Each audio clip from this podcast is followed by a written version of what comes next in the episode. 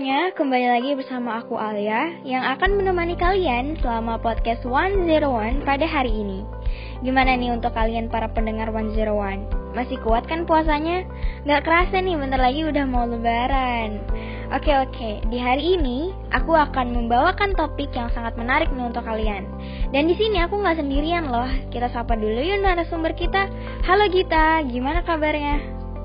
Halo Alia dan halo teman-teman semua. Alhamdulillah aku baik. Alia sendiri gimana nih kabarnya? Alhamdulillah baik juga dong. Masih semangat nggak nih puasanya Git? Masih semangat banget dong pastinya. Nah, Gita ini adalah salah satu staf HRD di Hima Pemasaran Digital tahun 2022. Dan di episode kali ini aku mau berbincang-bincang nih sama Gita tentang topik kita yaitu motivation letter. Jadi untuk kalian yang mau apply beasiswa, mau apply internship, podcast kali ini sangat cocok nih untuk kalian dengerin.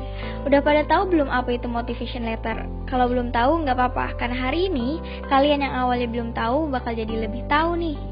Boleh nih kita tanyain langsung ke narasumber kita. Motivation letter itu apa sih? Jadi, motivation letter ini adalah surat pengantar dengan pendamping dokumen lain, seperti resume atau summary. Motivation letter biasanya digunakan untuk melamar suatu program, misalnya untuk mendaftar beasiswa, melamar ke organisasi non-profit, menjadi sukarelawan, hingga melamar di suatu pekerjaan magang. Miriplah dengan cover letter yang biasanya digunakan ketika melamar suatu pekerjaan seperti dalam surat lamaran, jadi kamu harus menyatakan dengan jelas nih posisi yang dilamar serta menjelaskan kenapa kamu cocok dengan posisi tersebut. Gitu, teman-teman. Oh, jadi motivation letter itu bisa dipakai buat beasiswa nih, guys, buat volunteer dan juga internship. Jadi banyak banget loh benefitnya kalau kalian simak podcast ini sampai akhir. Nah, ngomong-ngomong nih ya, kalau misalnya membuat motivation letter kan kita harus tahu nih, motivation letter yang baik dan benar itu gimana sih, gitu? Motivation letter itu sebaiknya ditulis dengan tidak bertele-tele dan berlebihan ya guys. Jadi nggak perlu nih sampai buat naskah drama atau biografi hidup secara panjang lebar. Cukup jelaskan secara singkat dan padat tentang diri kalian dan kelebihan yang dipunya. Oh gitu ya. Kayaknya setelah podcast ini aku mau langsung bikin motivation letter nih. Karena udah dapet ilmunya dari Gita. Tapi ya Git, biasanya itu aku kalau mau buat motivation letter aku suka bingung apa aja sih isi yang perlu aku masukin ke motivation letter yang aku buat. Kira-kira itu apa aja sih Git isi dari motivation letter? Oke yang pertama jelaskan dengan singkat mengenai diri kamu.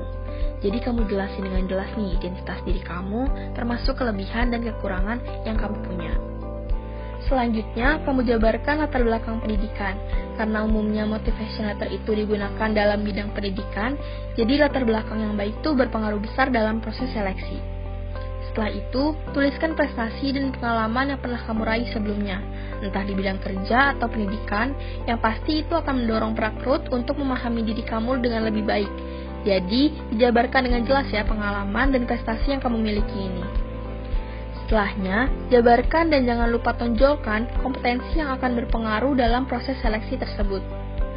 Gak lupa juga, selanjutnya jelaskan alasan kamu mendaftar. Berikan alasan yang jelas dan lugas serta jujur, sehingga perekrut dapat melihat nih minat serta alasan yang kuat untuk merekrut kamu. Nah, kalau dalam pengajuan beasiswa, jelaskan mata kuliah yang menjadi minat utama kamu Jelaskan aja minat besar yang kamu punya, supaya mereka bisa pahami kamu dengan lebih baik untuk menunjang perekrutan. Lalu, jelaskan kenapa kamu pantas mendapatkannya.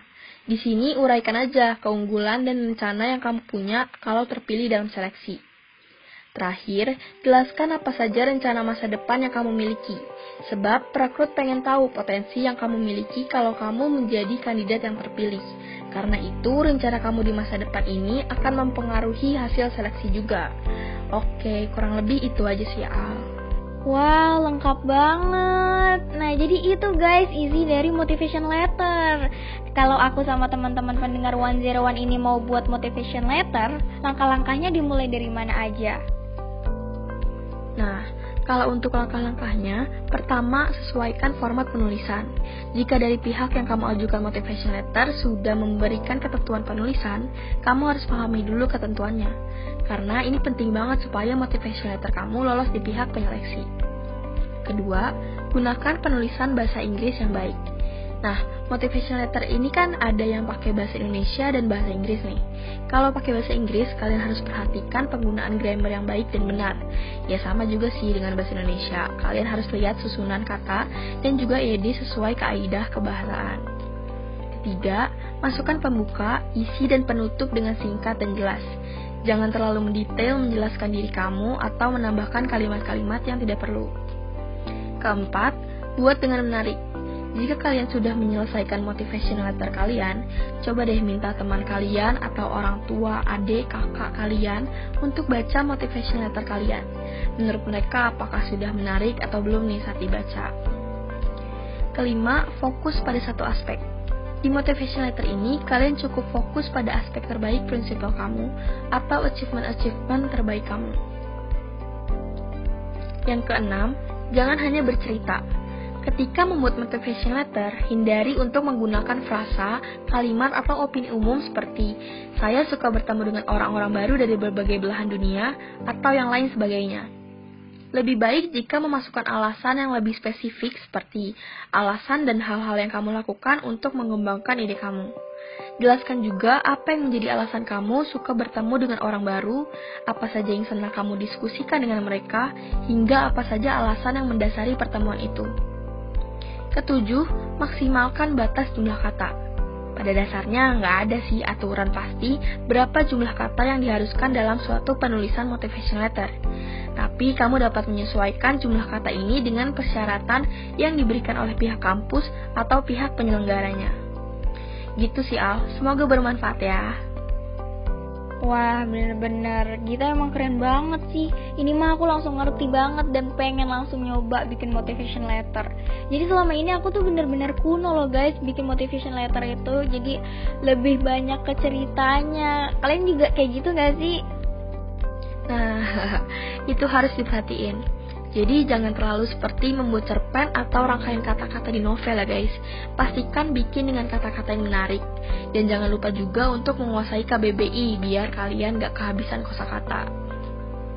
Nah, bener tuh. Kalian harus banget kuasain KBBI kalau misalnya kalian mau buat motivation letter atau segala hal yang berhubungan dengan teks. Alhamdulillah ya Allah di bulan puasa ini aku dapat insight baru yang benar-benar berguna banget buat aku tentunya dan teman-teman One Zero One yang lagi dengerin di rumah. Makasih banyak ya kita atas penjelasan mengenai motivation letter hari ini. Aku benar-benar seneng nih bisa sharing-sharing bareng kamu. Sama-sama Alia, seneng banget sih aku di sini bisa sharing-sharing bareng kamu. Oke okay guys, kalian pasti sekarang udah ngerti kan apa itu motivation letter? Yuk sekarang buat motivation letter supaya kamu bisa lebih mudah membuatnya kalau kamu apply internship, beasiswa, dan lain-lain. Gak kerasa nih udah cukup lama aku sama Gita menemani kalian di 101 ini. Terima kasih untuk kamu yang sudah mendengarkan 101 pada hari ini. Selamat menjalankan ibadah puasa dan see you di next episode 101. Jangan lupa pantengin IG Himat di 4 minggu depan ya, karena episode 101 berikutnya yaitu Career Plan. Oke, okay, dadah semuanya.